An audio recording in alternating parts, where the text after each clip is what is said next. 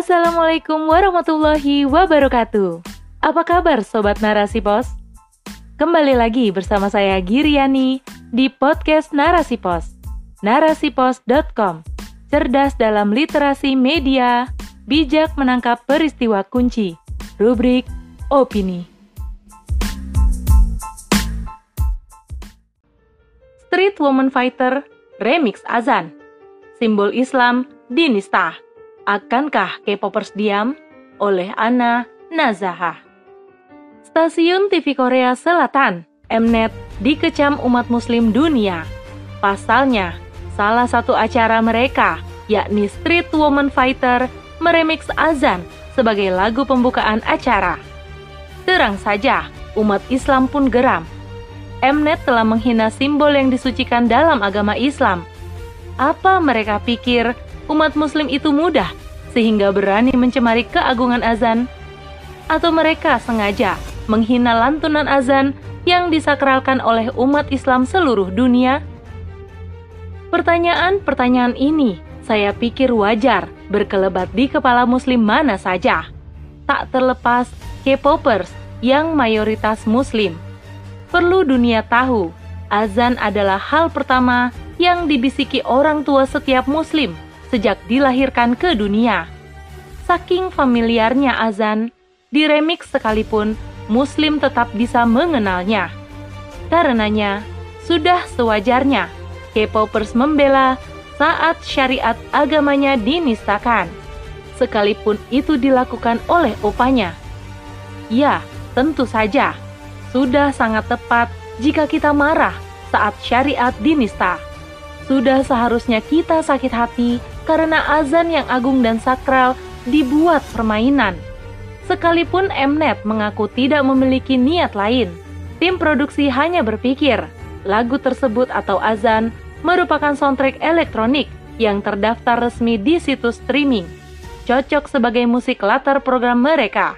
Lalu, atas keteledoran tim, mereka menyampaikan permintaan maaf. Itu pembelaan mereka, tapi tetap saja mereka telah melakukan penistaan. Penistaan tetap penistaan, tak bisa diabaikan menjadi tiada. Tak layak seorang Muslim berpikir perbuatan nista selesai hanya dengan kata maaf, lalu bungkam seolah tidak terjadi apa-apa. Di mana marwah kita sebagai agama yang besar? Ayolah, kita sebagai Muslim aware lebih peduli lagi terhadap berbagai persoalan keumatan, khususnya terkait penistaan agama yang kerap menimpa umat Islam. Sebagai umat yang besar, tidakkah kita bertanya, kenapa umat Islam terus direndahkan dan tidak memiliki wibawa sedikit pun di hadapan umat dan bangsa lain? Kenapa mereka begitu mudah meremehkan kaum muslim dan menistakan syariat yang kita junjung tinggi? Sebelum menjawab ini semua, ada baiknya kita meluruskan pemahaman. Adanya penistaan terhadap agama tak terlepas dari sudut pandang bagaimana para pembenci Islam itu melihat kedudukan kita dari kacamata ideologinya. Bagi mereka, kita adalah kaum tertinggal, terjajah, kuno, dan terbelakang. Kita hanya kaum inferior yang terbiasa diinjak harga diri dan marwahnya. Hal ini dibaca oleh mereka dalam perilaku dan sifat mayoritas kita yang tidak mencirikan Muslim dan malah berkiblat kepada mereka. Mereka berpikir, merekalah trendsetter dunia Islam hari ini. Kiblat kita adalah mereka. Karenanya, mereka menghilangkan kewaspadaan dan respek terhadap budaya yang kita junjung, termasuk agama. Toh, selama ini, pada faktanya budaya mereka lah yang selalu kita elukan.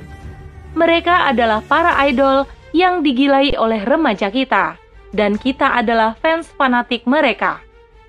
Ada banyak kasus penistaan yang berakhir blast of wine, dimaafkan begitu saja. Seperti halnya pencatutan nama Fatimah, penghulu wanita di surga, yang diremix di drama Memories of Alhambra, dan kasus J Park yang menambah nama Allah dengan makna yang buruk dalam lagunya yang berjudul Mukbang Remix dan dinyanyikan oleh Lil Cherry dan Gold Buddha. Worship am like Allah, get it done like wallah, atau puja aku bagai Allah, selesaikan seperti wallah. Miris sekali. Anehnya, masih banyak K-popers muslim yang membela. Idol mereka tak pernah salah. Remaja muslim masih saja mengidolakan mereka. Katanya, itu adalah salah agensi, salah pencipta lagunya, salah koreografer, dan sutradara. Yang jelas, idolnya nggak pernah berdosa. Celakanya, inilah ciri inferioritas yang sebenarnya, di mana kita tidak memiliki sikap dan wibawa. Semudah itu pandangan kita terhadap agama. Semudah itu kita membela kawan-kawan mereka setelah dihina. Apa kita tidak sadar juga, idol, manajemen, dan perusahaan tempat mereka bernaung itu, mereka adalah satu tim, satu kepentingan, dan mindset yang sama. Dan inilah poin yang ingin penulis sampaikan. Bisa saja penistaan yang berulang terjadi pada agama Islam hari ini justru karena umat Islam tidak menghargai agamanya. Mereka melihat bahwa kita bukan orang yang bangga dengan status keislaman kita. Kendati kita Muslim dan memiliki sosok teladan terbaik sepanjang sejarah manusia, tetap saja kita mengidolakan mereka dan pelan-pelan mengikuti milah atau agama, adat, dan budaya mereka. Jadi wajar jika mereka berpikir kita adalah kaum rendah, kaum terjajah, mudah ditipu daya. Mereka melihat kita bukan orang yang respek terhadap agama, justru membanggakan sosok dan budaya mereka. Lebih wajar lagi jika mereka pun tidak perlu respek kepada agama kita, sehingga mereka berpikir agama kita mudah direndahkan, dinista, dan dijadikan mainan. Seandainya umat Muslim di dunia, terkhusus generasi Muslim Indonesia, tidak menjadikan kiblat budaya dan tokoh-tokoh mereka, namun kokoh berpegang teguh pada ajaran Islam yang suci, menjadikan generasi sahabat Solafus Solih sebagai teladan yang diidolakan, mustahil mereka akan berani menistakan agama kita. Yang ada mereka takut, mengingat generasi Islam terdahulu adalah orang yang memiliki semangat juang dan membela agamanya dengan sikap rela mengorbankan apa saja, bahkan nyawa sekalipun. Masih ingatkah kasus Bani Koinuko yang diusir oleh Rasulullah Shallallahu Alaihi Wasallam saat awal bangunan Islam di Madinah, Yahudi Koinuko melanggar perjanjian dengan Rasulullah dan menista syariat Allah. Apa yang terjadi pada mereka? Rasulullah mengusir mereka dan tak membiarkan mereka menginjakan kaki ke Madinah.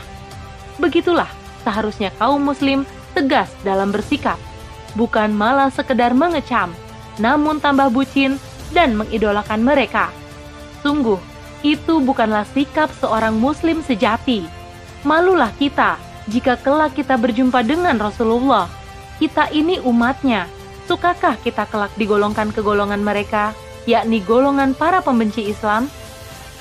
Mereka bukan Muslim, malah gemar menistakan agama kita. Logiskah jika kita tetap di pihak mereka? Mungkin sudah saatnya kita berpikir kepada golongan mana kita wajib berpihak sembari mengingat sabda Rasulullah Shallallahu Alaihi Wasallam yang artinya seseorang itu beserta orang yang dicintainya pada hari kiamat. Hadis riwayat Tirmizi. Wallahu a'lam bisawab.